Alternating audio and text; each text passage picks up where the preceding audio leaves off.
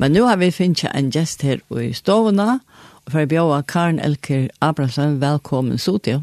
Takk for det. Du, uh, du er ikke Karen, men du er Karen. Ja.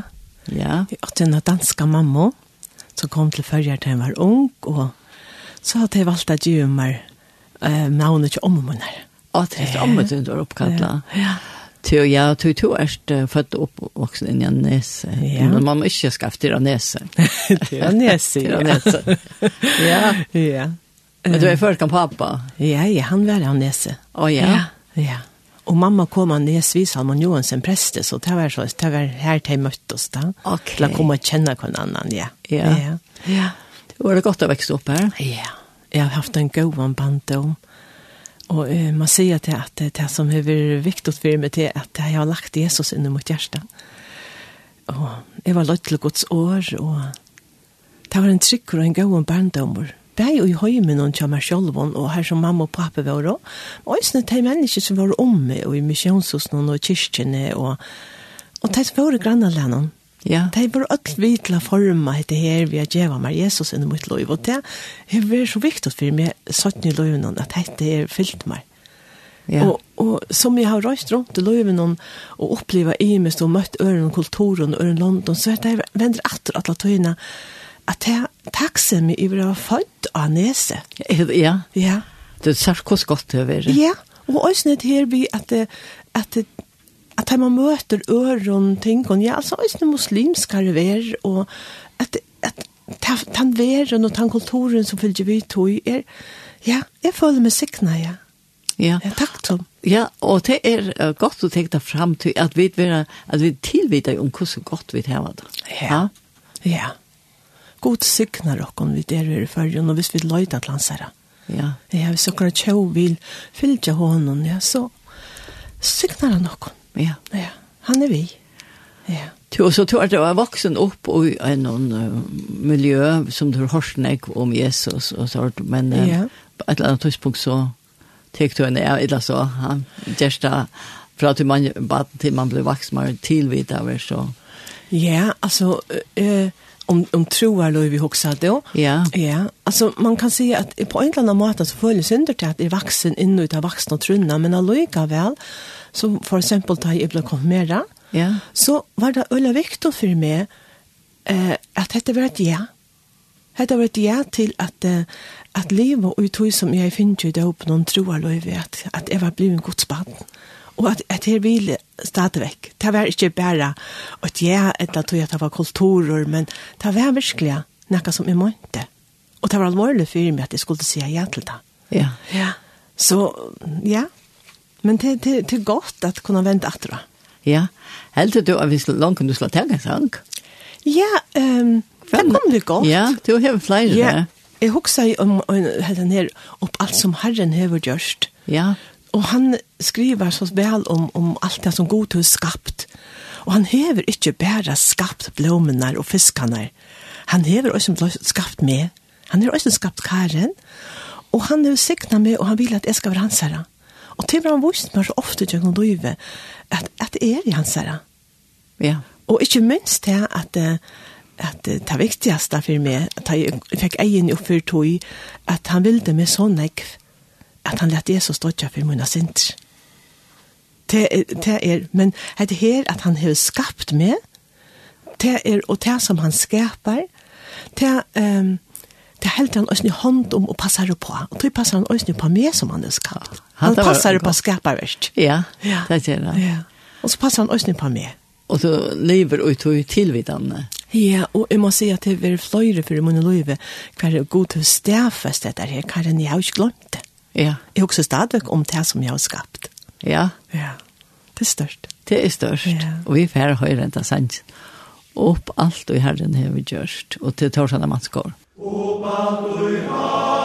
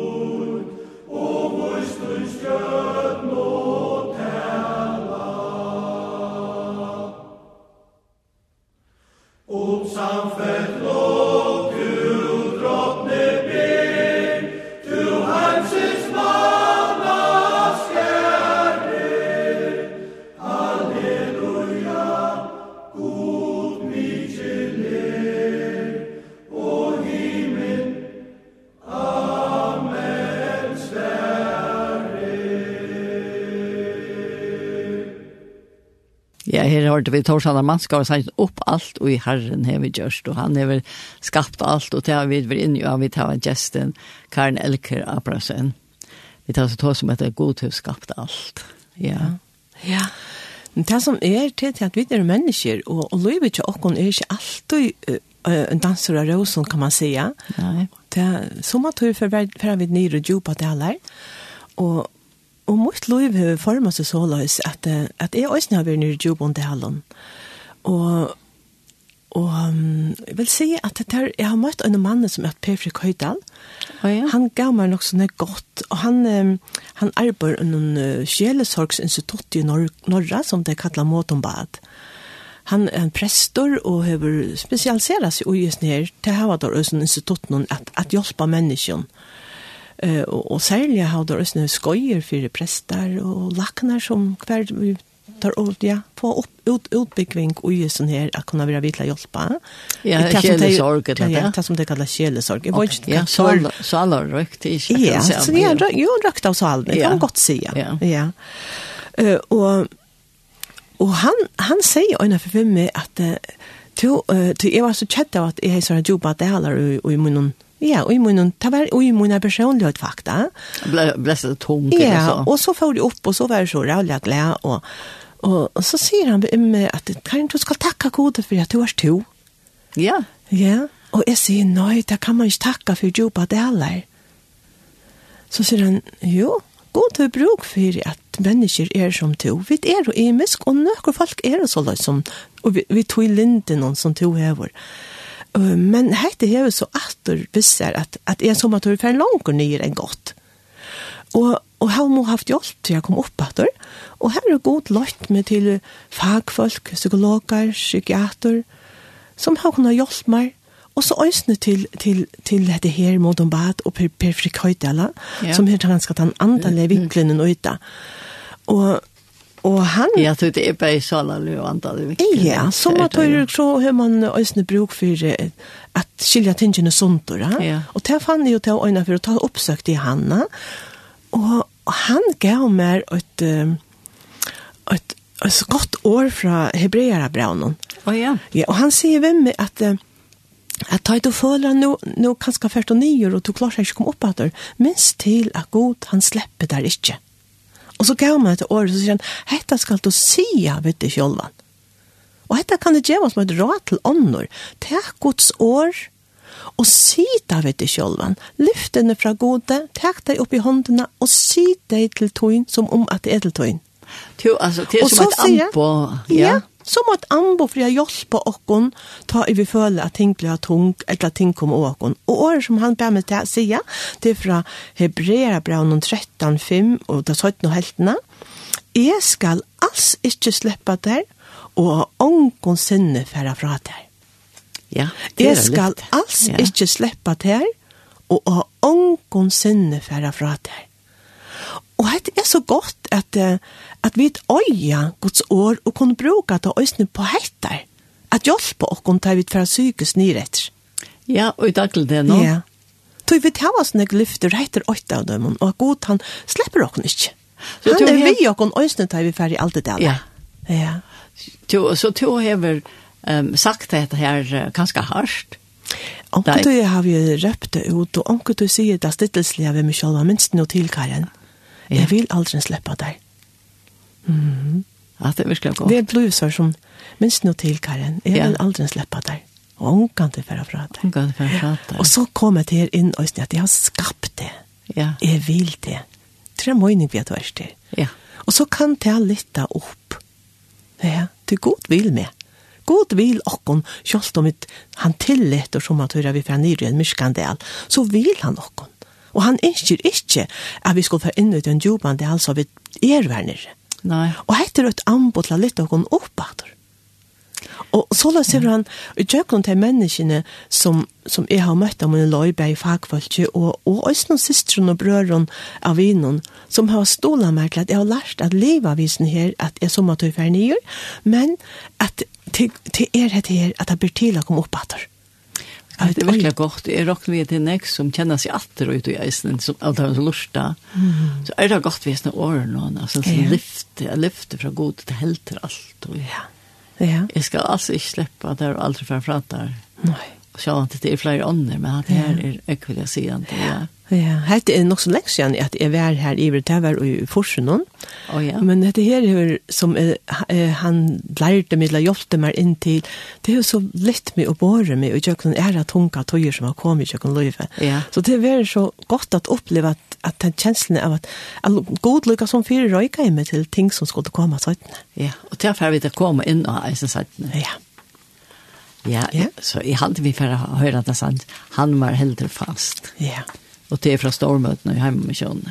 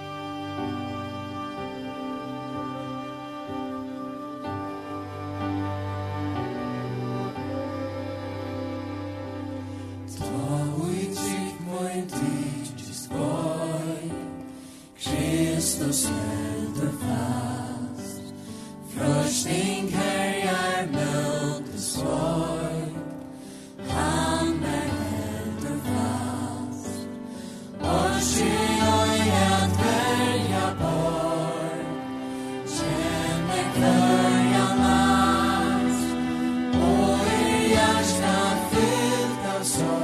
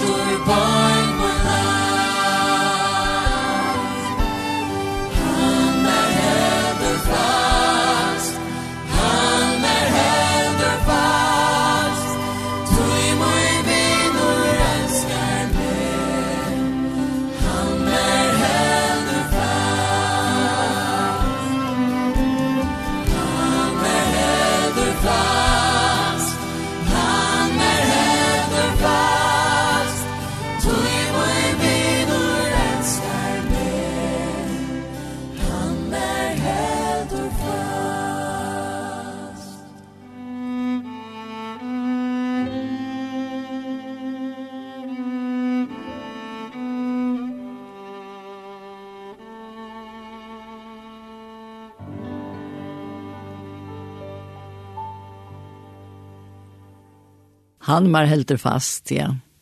Det er godt att veta det, og Karen Elker Abrahamsen som her här i Stovne, to, uh, Karen Tov har vi lært til det som heter, du vet en av diakonutbyggning, og råkt finne jeg vite hva det er, altså. Jeg har ikke hørt om det før jeg møtte det her. Nei, ja. Hva det er en diakon? Ja. Ja, diakon er en som i det, hvis man sier hva er en diakon i det, hva det utbyggvingen ut, liker ui, så er har man en faglig utbyggving, og så har man en kyrkjelig utbyggving. Altså, okay. to minner om en bibelskola. Sinter. Og er det det, ja. ja men, men samståndet så er det ikke bare at lære, være opplært i, i bibelene, men også i kyrkjelige tingene, og om hvordan kyrkjen fungerer, og kyrkjesøv og sindra av tog. Og så øsne en, og øsne nek av tog som vi brukte året i Johannes Gjelesorga, da sier ikke fyrir salen, at hjelpa salen, ja, at lukka som til en pastor av det, hvordan kan man være vidt til å tjene og hjelpe menneskene, og i tog støv som det er, og ikke som faglige, men også som andalige og psykiske. Okay, ja. ja, men ikke for og bli psykolog og sånn, men, Nei. men mer at vi, med, med mennesker, altså menneske til menneske. Ja, være, Ja, og så få syndere og visdom inn i det. Og det, den parten av utbyggingen tok cirka 8 år. Og så var det en faglig utbygging, og jeg heier jeg ble pleiehjemsassistent og rettet danskene, og det der røkterhjemsassistent og førskolen. Oh, ja. Men det er øyde da, så kaller vi det her, vi kaller det for... Um, Halserøkter. Ja, halserøkter, ja. ja. Til, altså, det var tverre linjer du kunne velge med det. Ja, man, at skolen som er hver år, kunne man bli sosialpedagog eller pleiehjemsassistent. Å oh, ja. Ja, Og, og det var så røkta linje, kan man si, en røkta linje og en sosial linje. Men hva betyr jo så året eh, diakon? Ja. Ha? Diak diakon er, er inspirera fra, eh, fra Nordjøsamentet, fra Apostlasøvne. Det betyr faktisk at tjene. Det er grekst år, og det betyr at tjene. Og, og, og det er ganske ikke endelig bare tjene i kyrkene. Og og, og i det gamle greska var det brukt om tjener som tante og en, en medstående. Att tjäna vid ja. båren kallar man det. Alltså, att det faktiskt tjäna betyder att tjäna vid båren. Uh, och, och vi tjänar fyra utbyggvingarna och fyra begrepp. Det är ett gammalt begrepp som är, är inspirationen till det. Hon är gåmål. Hon stammar faktiskt. Det begynte faktiskt i, i, i Tyskland. Men för jag får att till år och gods år och säga kvar, kvar inspirationen. Hon är faktiskt från gods år i Apostlasöne. Och det här var att lärarsvånarna tar du jo finnes til oppgave, at du skulle bo av Guds år, ferdig ut om at han høymen. Ha?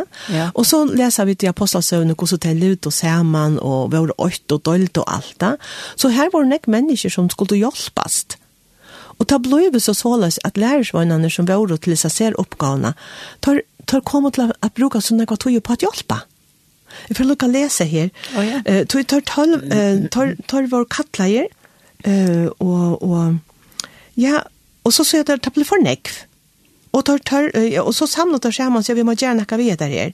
Og tar tolv kattler og tar lærersvenn av flotten sammen og søtte, ta sømme seg ikke at vi skulle gjøre Guds år iver for at henne vi bårene. Hittje tykkon tog brøver om etter tjej månen tykkar av middelen, som har gått år av seg, og er fotler og høyland anta og vysdomme, tar vilja vi seta iver hesson starve. Men vi vilja halda trolig og av, og i bøn og i tjeneste årsins. Og hette året lykka i alle samkomne vel, og til Vald og Stefan, vi vet han som ble støyna vår, martyrere, oh, yeah, yeah. og en mann fotler av trygg for høyla og anta Filippos, som kom han noen nøvn her, så skje, og til løyt og tar fram for apostlene, og tar helt og bøn og letter henter og atar. Og andre for tjeneste? Ja, yeah. en, en, en, en voksla til tjenestene. Ja. Og det gjør vi så øsne av skolen til åkken. Så tar man gjøk noen først uh, utbyggingene, så kan man få en, en, en voksla. De fleste ønsker det, som velger det fra, men de fleste ønsker det. Å oh, ja? Ja. Og, og, og så fer man i kyrkje og fer en, en valsiknelse, og en, en voksla, og ta, gjør man at man vil tjene. Og jeg tok um, uh, årene vi til, jeg, jeg har ikke ordentlig minst det totalt. Jeg burde kanskje ha mye haft det der i høtten noen, jeg var ikke sensen av det, men ja. åra, åra leie. Så ble man sportor, man kneler ned i altare, jeg kneler ned i altare, øyne og øyne. Ja. Og så var det spurt, er det ditt fors, for oppriktige forsett, er det ditt oppriktige forsett, og din bønn er tjene som diakon i den kristne kirke, ved å hjelpe unge og gamle, syge og sunne, fattige og nødlidende til legem og sjel. Å oh, ja. Og så sier jeg ja, det vil jeg. Det var ja. litt, ja. Så ble hånden lagt av, og, og så knela jeg, og så, så ble, eh, så, sier så, så, presten, eh, eh, i faderens og sønnens og helgens navn innvier jeg deg til at være diakon i den evangelisk-lutherske kirke ja. ja. Og i Danmark er det såleis at man hever den holdning, men vi har ikke et diakonat innanfor kyrkjene. Men vi tar vi hoksa diakoni, så er kyrkjan er jo møyre enn en ramma. Kyrkjan er ute i samfunnet. Ja. Og så ber man hetta vissar ut her som man kommer, og i et verslet starv. Ja. Ja.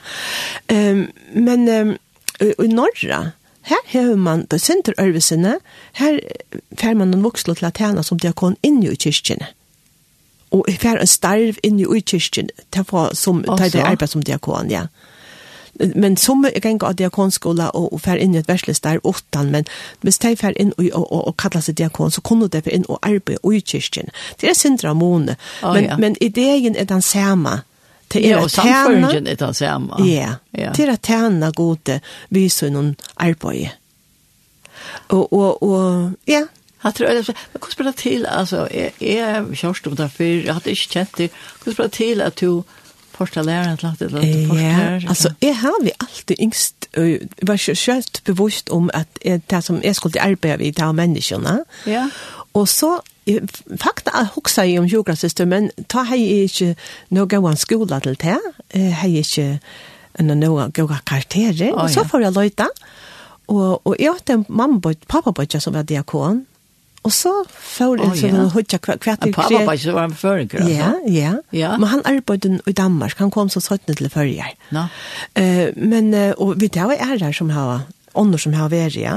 Oh, ja. Men um, så får jeg... Um, Ja, og så får jeg løyt etter sånn her, og fant jeg at her var kriterien Ørvesen, og så søkte jeg om å komme inn, og kom inn, og ja, ja. og så fikk jeg mine utbyggvinger.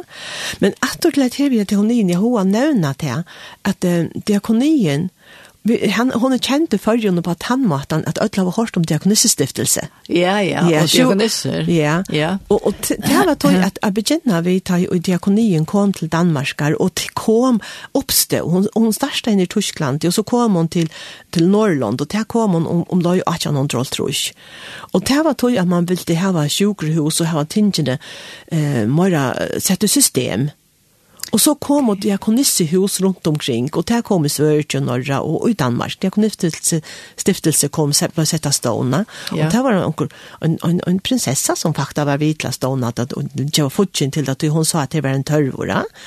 Og, og det var så at kvinner som kom og inn i det her, det ble jo lært der opp til sjukrasestre, og så kom det inn av bygg, og det som man kallte diakonisse huset, det ble jo nästan som nonner, de levde celibat och och och och, och gå allt till huset och hade inte själva. Där fick och kläder och ja, levde öliga enkelt och och och kunde inte gifta så blev det för älskar jag så måste gifta så måste ut ur diakonius det är just någon. Och vi tar med onkrar som har var føringar som har vært at diakonist hos noen, og som ja, vi tatt og øynene jeg glever henne, jeg minnes det ikke, kjenner jeg ikke hva, vi kallet henne, hun ble kallet diakonissan. Å oh, ja. Ja, hun ble gift og kom hjem etter, ja. Det var avhverst, ja. Det her er vel ikke vært nekv tåse om. Nei, men sånne, ja. så oppstendet så til at man får nødja stående, ikke bare sjukrehus, sosiala stånar, vi Black Cross er åtta tøy som kommer, og, og Kriskens Kors er vært i Danmark, og, og er stånar, og, og så kom eh, forsvark for bøyd, det kom, og så kom en tørvor for at vi må ha noen annen diakonister. Og så kom også diakonene, tok oppstå til at man för att ja. skola folk till att ta sig av sån. Ja.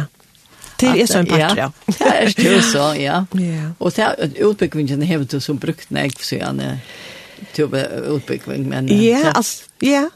Det här fyllde vi ju löven, man har det vissar i ryggsäcken. Ja. Ja.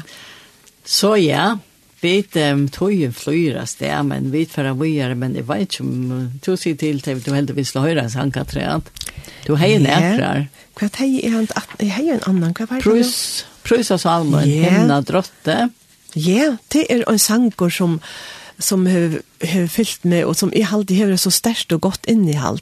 Och det var en en sanger som som kom att nek fyrir meg og, og, og, og for mannen kommer på marsten. Ja, han ska vara lika som ja. okkara sankor og, og han han fyllte och vi var så glad for henne sant. Ja. ja. Och det vi får ta seg nemlig om til at du mannen körde då blev gift ja. Vi på ja. marsten. Vi tar ju prösa sammen himna drotte. Ja.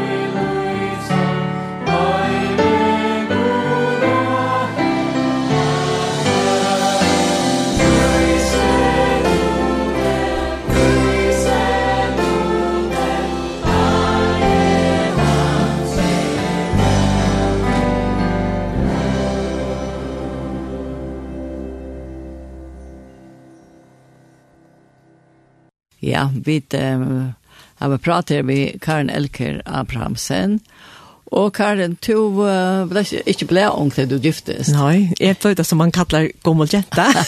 ja, det er det jo. Ja, et noe damer som ordentlig er uttrykk. Men det er alltid det først, godt først uttrykk. Ja. Men altså, det er som vi leit jo ut, av, det er at man får for pomtret og ikke gifter, men man har det ganske ikke nekk ved det. Men uh, jeg var blevet en 31, 32, så jeg møtte på Marsten. Ja, jeg har jo nok møtt honom før. Ja. Men det var, ja, vi tog det tjänsten sent och bara så som han vi kom och höra med sjönna. Det är det mest. Ja, ja, ja. och men så blev det vi som Per, ta jag var en och tre då, när han var en tre då, två tre då och så gifte oss vi ta jag var 32, og han två tre då. oh, ja. Ja. Og han var sjåmauer. Han var sjåmauer, ja. Och jag har ju livat i havn, och jag har ju varit utanlanda och nu för førte loje med inna stränder. Ja. Och här bor vi är och lute samman i hon och vi har tar gott løy samman. Har du arbetat av omkron? Ja, jeg arbetat av alvargere, och ærene kom hem och så kom vi, og da gjør jeg også den første ærene med en vi var gift. Och så, ja. men så får vi att arbeta etter sånn Ronaviks, Alltså, det, det var inte lätt att köra till havner, ta. Ja, ja, ta, ja. Ja, ja. Alt er øvelsnydig, det är nek för andra. Ja. Ja. Ja. Ehm... Um, ja, løyve i Astronton og løyve sammen på Marsten. Um, vi var det tvei som yngst og virkelig få bøten. Vi tog virkelig fram til å bli en familie. Ja. Men uh, her kom han ikke bøten. Og det ble en sorg, altså. Først var jeg en sorg over at jeg ikke hadde noen mann og ble kommet gjett. Og så en sorg over at jeg ikke bønt fikk. Men i livet og mamma så måtte jeg lære seg livet ved at ting ikke alltid er som vi ikke ønsker Ja. God løyer dere som at jeg øver seg en hvit halta, Og åpenbart så var ikke vilja til at vi skulle ha bøtt. Det er Han gav oss om hva fall ikke til. Nei. Uh, men vi har også opplevd at det er noen andre ting som vi så har kunnet gjøre, og, og li, uh, haft uh, i løyvnene. Og det kommer nek bøtt noen av løy. Ja, det går til å Så vi har haft nek bøtt glede, og har haft nek godt sammen vi. Og så kom oppgaver noen av løy som, som, ja, som vi kunde färden ut jeg vet ikke att bøtt som vi skulle ta och av, og ikke ta in som man kan si, säga mera läs ja ja ja Men uh, det som også hendte, det var at han pakta vær sjukur og blå møyra sjukur. Ja. Ja. Uh, og, og, og det gjør det så at det at Løyve Tjokkom ble nok så, jeg vet ikke, avvirsk av sånn her.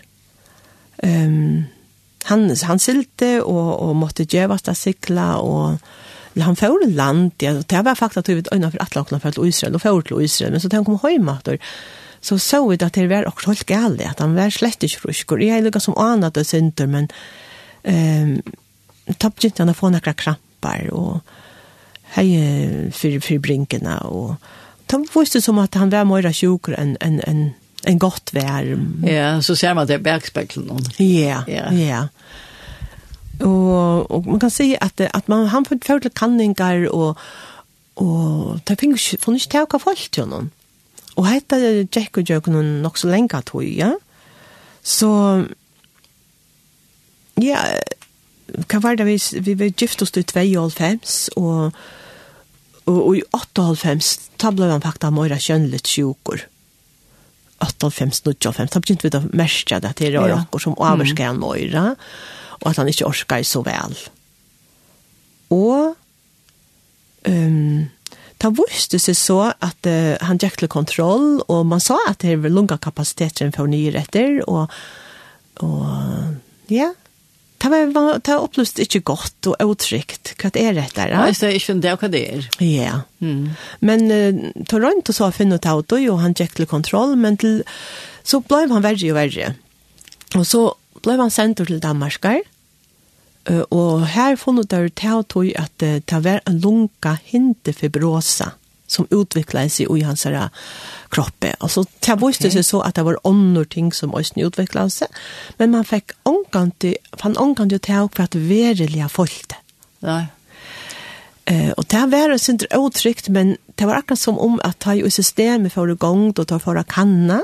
Var det sånn spesielt att det att ånka får vita kan östen som at det var godt. Og det var tajtar høyde kannan, så får han inn i en kvult, ok, da kan du ikke skje meg kvett meg foiler, men så tar ikke det herfra. Ok, ja. Han fikk en, ja. en vissa kvulten til, nu har tar gjørst det som tar kon at du ja. øker noen. Ja. ja. Um, hette her lungehente for bråsan, hon utvikla seg mer og mer, og, og ble så ring at han eh, ikke klarer at arbeide mer, og livet blir øyla mest av det. Eh, og, og døk noen kanninger i 2006, så begynner dere eh tunga tog, kan man säga. Ja. Du tar var livet totalt eh av det, ja. Du har blivit oarbetsförlor och han orskar inte allt måste ta hänsyn till andra. Och i 2006 kom det så långt att man säger att vi för att att bjöda ut en transplantation ett nytt lunga. Ja, ja. Og han takket jeg, og det var noe som sjukra forløpet og i tog, ja. Og i 2008, og i januar, før vi nyer, eh, tog at han og Jan skulle ha nytt lunga, så kunne han ikke bygge førjen, han måtte være bare seks timer vekk fra sjukhuset. Ja, han var klar. Ja. ja. Så det var sjukringhotellet. Ja. Og så kan det noe som sier, synder om, kvart, og og vi opplevde, og så togene vi at uh, jeg er så nærvær, Ja. Det helt är var så störst att att man hikker atter etter at att så så vi kommer spørre, hva, hva, god vad är det här? Hva vill du? Hva är det här? Ja? Men um, han um, var så bevisst om att söka god og just ner. Det var näck folk som bor for honom. Det var störst att uppleva. Ja. ja. Och det var det var så störst at det var ymiska samkommer. Ja. ja, til man kjente folk för Emil samkommer, samkom. Om tar några samkommer och som bor för hon som kände han. Ja. Det var det var störst att att uppleva det här att vi det är Selv om vi inte hører sammen i samma samkommer, så er vi åt och Jesus ja. Ja. Och och så Och så var det att et annet som var så störst att uppleva army for Danmark det var det att han fikk det att han skulle søke ehm um, hjelp ved Jakobs brevet samla tar eldste oh, ja. og by fyrir mer. Ja, salva. Ja, ja ta stendur ja. om vi skulle be at eldste å komme, og så skulle ta bya og salva. Ja. Og ta, talt av dette her lyftet fra gode skulde han handla på. Og også nynne på fra gode at det var sjukker, så gjør det. Ja, det er stendt. Og vi konsentrer på at han matene. Og så får han tilkallet han prest, og, og, en vimmann, og en missionær som var samkommet til åkken her i Stronton, og, i missionene, og hjemme misjonene. Og så får vi inn i, i, i, inn i kyrkjene, sjøver kyrkjene, og hatt noen gode løter her. Oh, ja. Og kan vi skøyde på at vi tatt det var så størst, at uh, på marknaden vi har jo sånn omsorgen for øre mennesken. Så han sier, ta igjen for å gjøre dette her, så vet jeg at det er noen andre i bygdene som har kreftsjuk i kroppen. Jeg får spørre deg om det er hva kommer vi. Nei, så han også underreis. Ja. Så de kommer vi, og vi var også, tror Tre som var sjuk, og det ble bygget for Jøtlund. Det var en stor, stor løte, ja. ja. Ja, så hadde vi alt det gongt, og, og så ble det uh, bygget og salva. Og det som hendte vi på marsjen at han hadde løtene, og at han hadde han dagen, det var at han var inn i en kvild, og nå har vi lagt med totalt i godt senter, nå, nå kvild jeg ut i han er väg. Fantastiskt att han frier. Ja, og tack mm. kvällen hon följde atlan allan vägen säger tung og tøy, ja. som kom til, hun ble tung och tøy at han ble så sjuk och vi kom til Danmark. Han fikk två lungkompetenser och og, og hon før hun var han så rinkor att han får och respirator og intensiva dolt og ta stå om liv. Så det var en, en, en hørtøy for han og for jokken. Og for til eisene. Ja. Men fikk han ikke, han fikk han gatt du lunka transplantasjon? Jo, det så ble han. Han kom for å bo etter her, og så Og så fikk han lunga, så tatt han også, lunga transplantasjon, da fikk han i mai og i, og i åtta. Da fikk, fikk han ikke lunger. Men ta viste seg at kroppen var vøykare enn okay. en, uh, lagtaner høyde og kanskje vurdere, eller kanskje også tog at det sånn var komplikasjoner som kom og at han og det gjør det til at han ikke mekne å komme fire seg. Lungene følte ikke, men kroppen til honom klarar ikkje koma vøyere. Så at han har trutja måneder, så døg han akkurat trutja måneder at han Är det det? Ja. Det, det var eisen en særlig tog men han la her nere. Ja. Så, ja. Han fikk jo ikke tåse at en var respirator. Nei, men det var så fantastiskt at vi var i så gåen hånden. Allt fungerer så vel rundt om oss, og her er sjukrosen vår det så gåen igjen. Og, og hessen her frieren som var kommet nøyan her, yeah. som jeg tog seg om, han fyllde jo noen øsene til han kom nyer og var så ring ytla sjukker. Det er ikke fantastisk. Det jo, og, og det som var så størst, det var så ikke gått han åttan år til han orska ikke ta seg, ble jo et vittne tog at han heien av frien, av mennesker, noe som så god, tog det så han. Ja. Altså, at god vust gjør det så kjønnelig han, og gjør noen hentan her sjuka kroppen, hentan sjuka mannen. Mm Ja, Du sa salen var her. Ja. Ja. Ja. Og, og det er lukket som, ja, jeg, jeg, jeg, jeg, si det, men det var som som spurte om meg og jeg, kvart det var inne her og kvart kvart kvart det var inne så stormen så sier jeg nei det er alltid det opplevd før en sjuk med over og kona sitter jo nå gjør er noe annet. Å ja. Og så kunne jeg si, jeg vet det ja til det är för också vad er dette annet, så tänkte jag jag var det, kanskje er det godt. Jeg sier, ja kanskje er det gott som det sådär ja jeg har jeg strå ja og det var liksom at her opplevde jeg liksom som uh, god prøver jeg å komme til med noen mennesker i kjøkkenet på marsten. Det er jo kjalt man ikke sier, så var det litt også. Ja. Og så er løyve at vi kunne, som at du skiljer vi ikke for gods veier, men, men og i tog som vi ferdig i kjøkkenet kan godt også bruke oss. Ja. Og tog er det her godt at vi kunne ledge oss iver til hans herre. Det betyr ikke alltid ljøsarett. Nei, så. Men, men, men god er her. God er her. Ja, så kom det etter til det her. Han er skapt oss, han er vi oss, jeg vil alltid være tja der. Ja, altså ikke slippe der. Ja, ja. vent alltid til det her. Ja, ja. Ja, det var en godt opplevelse, ja. Og så kan jeg lykke skøyte og på til at vi her situasjonen, det var det personlige om han. Men det som jeg var så rævlig glad for å oppleve, det var at okkara system virkar. Det sosiala systemet og sjukhusverket og hotell Torshavn. Ja. Det er en gava til fyrja folk. Altså det er, vi er så privilegera i av et øye hotell Torshavn. Det er godt at det kommer frem, eisen, ja. Ja, men jeg, jeg, jeg fikk lov til å bygge her og være her, og i Øtlandesen her som Jack Fyrese. Vi var nere i et halvt år, seks-jeg måneder, og, og de var her, og jeg bor her alle togene du, du kommer hem, du har sjukgrasser her, du har ikke å vi med omkran, du har sosialrådgjøver, du har sosialproblemer av forskjellige slag. Det er yeah. alt her. Og, og det, det hjelper der i jøkken. Det var, altså, det må jeg si. Fantastisk kan jeg kan si at man er til støvende, ja. så man er, man er, det er alltid kyklinger som er her. Ja. Alt hatt han blir til, ja. ja. Det, jeg vil si at det er en gave til å gjøre det et ordentlig godt arbeid. Det måste jag. Det var Karolina Petersen som fick visionerna i sin tur. Okej, ja, ja. Ja. Det så det var ordentlig godt, ja. Ja. Jo, ja, men uh, han uh, han tog han hem. Ja. Ja. Han tog han hjem, och Ja, og løyve fortsetter, og man kommer inn i en sorgprosess, og det, det var jubbedaler og, og tungt, men og i Øtland så var god oss ny her. Ja. Ja. Og hjelpte og styrte. Ja. Og lov er formet, så man kommer vågjere. Og, og, og, ja, tingene formet seg, og, og, og det tok lenge tog, og han er ordet kom opp etter, og, og, og, Det var ikke hvordan yeah. lunge endelig, men, men jeg må si at, at, at, at kanskje har vi åren av det enn, Men ja, men det, men det var så langt. Ja, men as vi tar så i men skulle vi komme ut og og, og jag någon sorg. Jag ser inte än och saknar jag saknar nu synder men alltså det er ikke, det fyller ikke alt i min løyve, Det er faktisk brått. Det er brått til at for eksempel at, at, at, at ta i minnestan, så minnestan vi glede og ikke vi sorg. Gå minner. Det er familiene sammen, som nu familiene i Østronton, og vi snakker sammen og har noen fester, så kan det gå stekke opp og si at jeg heter hei Marsten Gubbe Dama.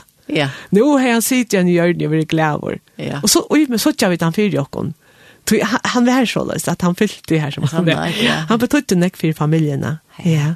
ja. Du, um, um, og du nevnte jeg til at han, uh, fikk, eller, han er fløver inne til lørsta etter Sanche men han la her. Ja, så det visste jag en som du nämnde det ja. han han norsta en näck vet Mario. Anders. Och Olvar och Snor. Ja. ja. Og det var en som gav honom trøst, og det var godt, ja. Vi kunne takke ja. et lær fra henne. Hvis jeg takker til at jeg stod etter. Ja, at lente her hjemme. Nå er han lente her hjemme. Ja, at lente her hjemme, ja. ja.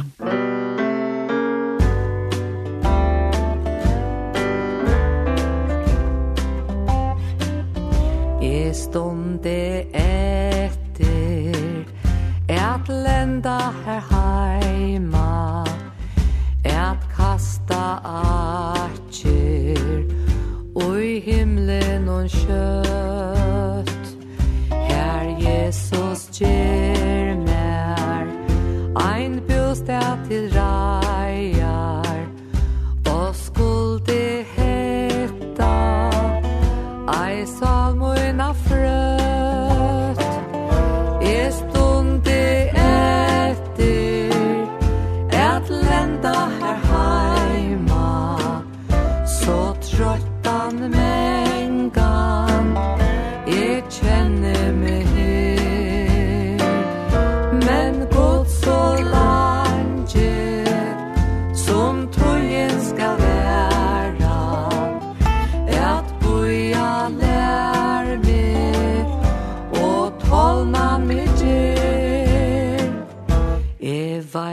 at vi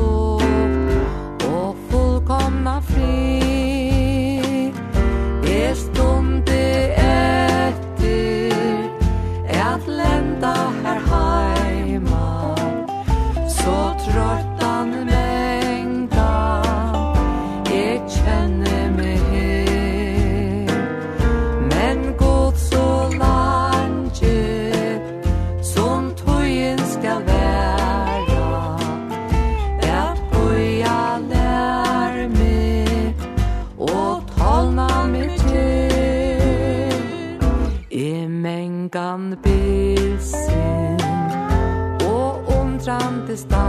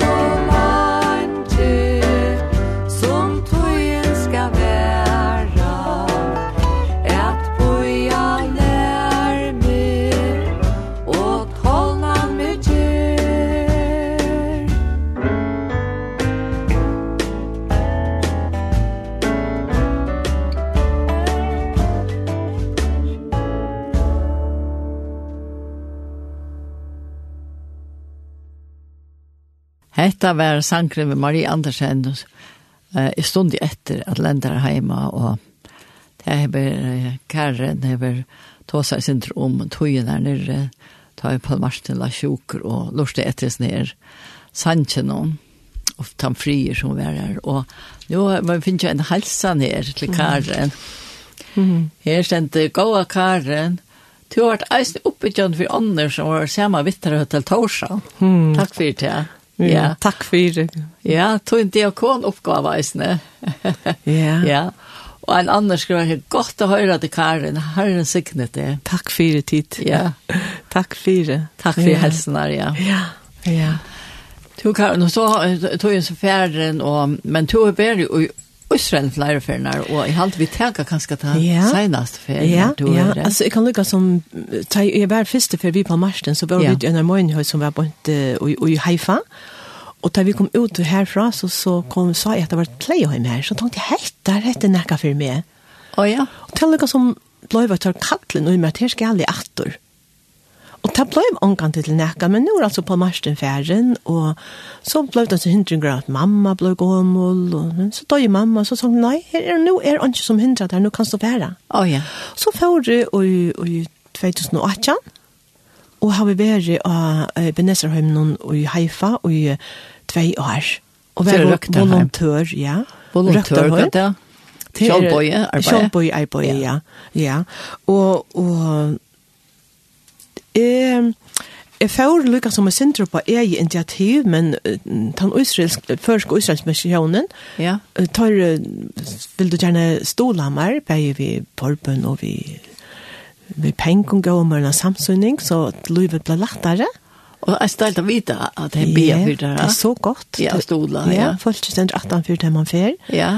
Og god ånte meg til at han stola i meg ved at hjelpa meg med storen. Man blir så storen til man skal forskjellig. Ja. Og kvett, kvett nu, og kvett nu, og gos for det genka. Og han gav meg en ta folk til å bygge min munnen huset, så jeg unger utrøsler av min huset. Oh, ja, ja. Det var i hvert fall opplevd det som en gav fra god til at folk kom inn i mitt hus. Ja. Ja. ja. Og så får jeg sted, og, og jeg var i, i her av Ebeneserhøymnen. Det er et høym som er eh, opprettet til at tog man, og jo når tog, tog, tog kom heim at til landet, og fann og tog at vi tar omgang til at jeg kan av høymnen som er jo Jesus tryggvande. Alltså muslimerna hade sått och jötarna sått men det blev en ja. törvor till att taxa är som folk som var kommit hem från eh från Östeuropa och och RSS från som hade li under holocaust och mist alla sina familjer. Hur ska vi försöka att de hur ska hjälpa dem? Och så fann och jag har byggde man ett ättelsheim här i Haifa. Og kriteriet for å komme inn og etter hjemme, det er at man er Jesus-tryggvandig, en, en, en jøde som tror at Jesus er Messias, en arabe som, som er kristen, eller en oh, ja. som kommer fra de kristne høymene som vi nu kallar det her Vesterheimnona, som er kommet til Israel og, og tjenas og blir en gåmål der nere. Etter gift gjennom gjøta og, og, og er kristne. Så her var bare jøter og rapper og ja, rykket til? Ja, det var helt fantastisk å oppleve det. Ja. Ja. Og, og hette her vi er kriteriet var at alt var tryggvande til å tro av Jesus. Det, det skapte også en stemning i husen henne. Og det var det som oss gjør det gjør litt. At jeg får vi kvart en år der her. Ja, men det er jo ikke samme folk. Ja, men Karen, vi er jo åkt og Jesus Så Ja. Vi, og det var åndeskånd sa det, vi er one in Yeshua. Å oh, ja, De bruker året Yeshua, ja. Vi er åkt i hånden. Ja. Og det var noe som det som, som uh, så mynda i høyme at han veien i djøkken, og folk som bor her, folk som arbeider her, jeg arbeider sammen vi Gjøton, jeg arbeider sammen vi Arabon, og det var det samme. Ja. Det er åkt og Jesus er, og med den størsfolkene. At det var ja. sørstakt av henne her, ha? Det det gjør det nok helt særlig. Ja, ja. Og det var lukket som et, et mynd på, ja, men det er bedre til. Nei, hva så ofte så halter vi til at det er bedre slett til, og alt det som ja. sutt ut der vi ofrie, det ber ikke til, men det ber til. Ta Jesus kommer inn og brøyter, så, så ber det til. Så ber det til, men, ja. Altså, det skal lov og bådskap ja. reisende, ja. ja. Men hver gjør det at men hver må det... Var, uh, Kalle kom fakta fra en norrmann som kom nyr. Han, han er i arbeidet mittelen jøter i, i, i Rumenia, og flottet nyr til, til Israel til at han ble smittet ut begge kommunismene. Ja, ja. Ja, og det vil si at som, ne, og, og, og nekka russen er kommet til, til så nekka russer som bygger, byggver, russestalande av høymenon. Oh, ja. Det er åndjestalande, torsktalande og russestalande, det var og hebraistalande, altså gjøter som er omgang til å snakke annet enn det. Så mål er det. Ja, det var øyelig interessant. Jeg tog til Lloydsyndra av torskon som jeg har lært i Jekker i Alskola i tru år. Oh, ja. Det har hjulpet meg også først, og jeg så kunne jeg snakke at det var torsktalande somme. Ja Ja. Eh och och och och det russiska talande igen en tavar och men så talar snackar man samman vi att kommunicera kommunicera i konsanter. Det var en russisk konsang alltid som på violin. Det var helt fantastiskt upplevelse henne. Gå om och kon om man blir fem som kom vi sån här violinar inte någon och och så spalte hon Solmar. Och en dag satt hon ut i tonen och och og ble jeg under bøk, og så spør jeg til henne. Jeg vil så gjerne kontakte henne, men jeg dotter ikke russisk, og hun dotter ikke ønskjøst. Og ikke tokst, bare russisk og hebraist. Og så sitter hun og ble her, så, så spøyt jeg, og, og så begynner hun bare mora, nei, nei, nei, og så forstår jeg at det er sanje, så, så sier, åh, og så begynner hun å synge, og morra, Og knappt da jag kunde ens inte via förskon. Så hade det nei. Ja, ja, så var kommunikasjonen her, Ja. Og så så var det livet hans ju så ble pleja ju till den nästa och Nej, han tog det inte, så neste. Vi ble ordentlig gode her, og hadde et ordentlig godt forhold med en annen, Men vi kunne ikke snakke sammen, Vi måtte ha tolk da vi skulle snakke sammen. ja, og men sannsynligt, det var kanske samma ja. innehåll. Så. Ja, ja, det var så med sannsynligt og solmar. Ja. Det är goda at sannsynligt blir omsetter. Ja. Det er det man har det allastess. Och i Russland. Ja, ja. Det er en fantastisk upplevelse. Jeg har hatt det öjligt ja. spesielt. Ja. ja. Og, og så kan jeg føre inn til, du kan fortelle om en arabiska kono, den her som også ofte han arbeider hvis nere vid, att eh, att at vi det åtte och Jesus som var så bevisst om det. Alltså broar. Ja. ja. Alltså det var det at, altså, det var rakt av, av Holocaust, som jag dem var rakta hårt och mist alla sina familjer. Ja. Det sätter spår i dig. Och han den här hon var den arabiska. Han tar spår i henne till hon har ju upplevt att missa allt. Till att i henne har byggt här som hon bodde där hon var småjenta. Här kom och götaner in i 48 så att det hela bygden må jag bruka. Som att jag skötte där vi är här vi kunde gott arbeta samman. Det gjorde det som hon stod och där kom och götaner in i landet. Ja ja. Eh och är det så att där hända bojen vill jag vi täva. Han har vi bruk för det. Och det så att om henne Så tar kom vi nu bilen och nå skulle det ut. De som var muslimer i bygden, de för til Jordan och de som var kristen för till Nazaret. Det här var rättande kristen. Ja, ja. Och här, det er nok sånne kristna araber nere som per tradition lutheranere, och, nå, inte lutheranere, men katolikker och och och anglikanare och ortodox ja. Oh, ja. Och hon var från anglikanska familie, oppvaksen som kristen och fra badene, og papen var en tryggvande med vår, og hei gjennom øynene høyde i seg bygdene. Men hun ble så riven opp i råd og sendt til, mist til alt. Og så kan man säga skapar hette ikke bytter høyde. Ja, ja. Men, men hun sier at det var rævligt affær jøknon, men, men, men det var jo krutskaren. Det var jo krutsk. Og dette er konsekvensen av krutsk, og i krutsk er ånden minnere. Nei. Men nå lever jeg i middelen hette folk, og det gjør jeg. Og vi er jo til tryggvande som er bygget sammen vi her, vi er jo åkt og Jesus. Det er fantastisk ja. at det er det her, ja. at alle sier. Ja. Jeg fyrer ikke jeg var overfor av å gjøre, så jeg nå er støvann svaløys. Ja. Hette det. Ja. Ja. Ta ber så ta ber til å ha fri og Israel. Ta ber Og, og, og, ja. og så kan også gå på i at det er ikke öll som är er friar eh, vilja, som vilja fri och inte vilja ströja mellan jötar och araber. Det är inte alltid att det är Jesus som knyter det, men det är som att det är därför att du tar vilja vid. Ja. Ja. Mm. Det ser man när folk för ut av gåten och det och säger vi vill känna en ofri, vi vill att vi det rätt at jötar og araber för samman och då götterna inne i byn. Oh, ja. Ja. Så det blir snäck stroj inne i byen, det er ikke bare rakettene som färra i mittlen Gaza og Israel till ösne inne i byn. Och tar byn till dem. Hej för her har vi her vært ofre här Ja, för Og och jag som heter Lot er en näcke byn kan näcke ta hver det mixa kan det göra og araber leva samman. Og til daglig så lever det helt fantastiska väl samman.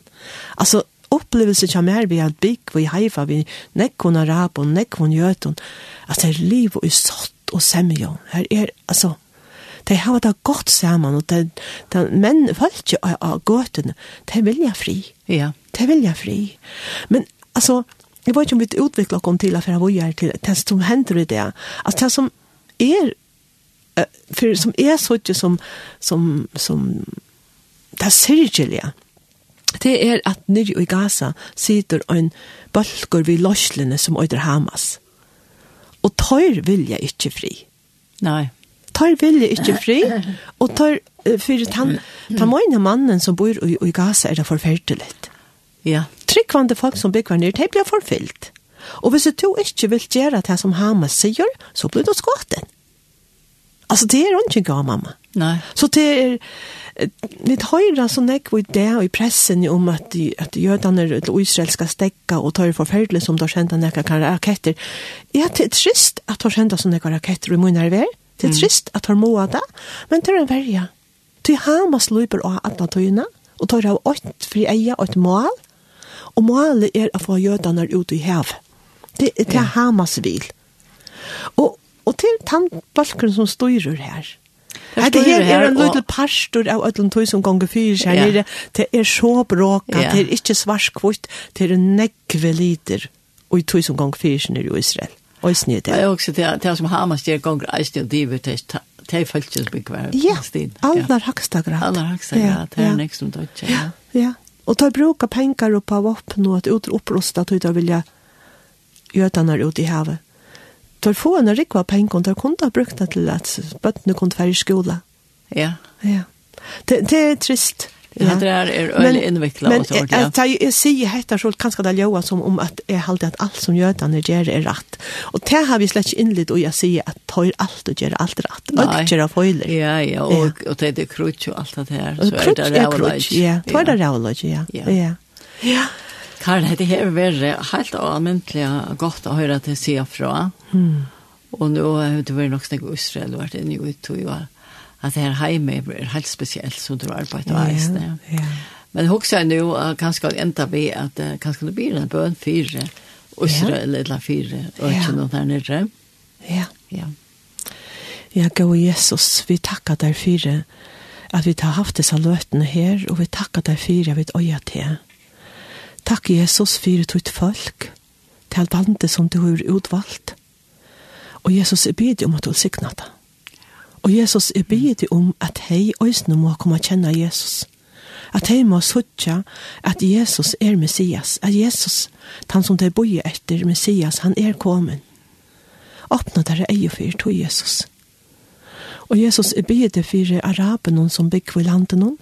at du òsne vil være tja tøymon, at høyr òsne må sutja til Jeg ber dig om at du vil styrke dig som de misianske jødene som lever landen og tar kristne araberne. Jesus, de tryggvande statt dem og nær, hjelp dem og styrke deg, særlig og Jesus tog hver de opplever så nekvann ofri og så nek split, og dette skaper så nekv så nekv ønt. Jeg ber bare om at du vil gjøre dem og styrke at halda fast i trunne og halda fast i det Og Jesus så bygge til fire til avfriden som er i landet nå. Jeg bygge til om at Thomas kommer inn og stekka, at Thomas kommer inn og skapa fri. Og Jesus jeg bygge til om at hun gjør visdom til Loslo og i landet nå. At de må få visdom til å handle rett. Og Jesus jeg bygge så innerlig for Thomas så løye inn i Gaza. Gå Jesus jeg bygge til om at hun vil være tjatt bygge til om at du øsne her, man hjelpe til man tryggvann det var ljøs for til. Du Jesus er vøyt her så nek som tryggvann det er øsne inni her. Hjelp deg og styrst dem. Jaga og Jesus, bygge til om at du måtte komme inn og stekka her som krutje og skapa fri. Jesus vil vite at alt blir til og i tøyne navn. Og Jesus, Jeg legger folk i tøyner hender, og jeg legger akkurat folk i tøyner hender, Jesus, at vi i øsene må søke til, og vilja tøyne løy og tøyne atlan, og legger akkurat land og tøyner hender, Jesus. Jesus. Ja. Ja, jeg blir du å sikne for jeg land, øsene, og Jesu navn. Amen. Amen. Tusen takk for det, Karen, at du kom til morgen. Ja, takk for det. Sjálf. Takk fyrir. Vi får høyra sanchen Jesu navn aldri blikna. Ja, det er vendest aldri natter. Han ser navn. Ja.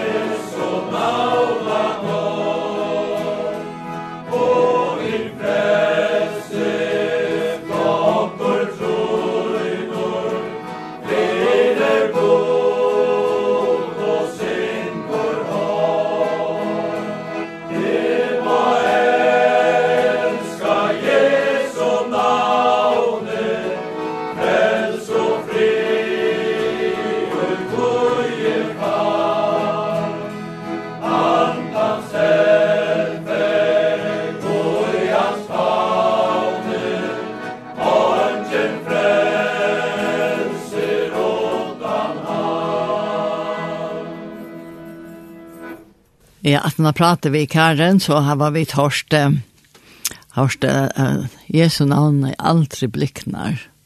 Och det var ett mannskår som sank.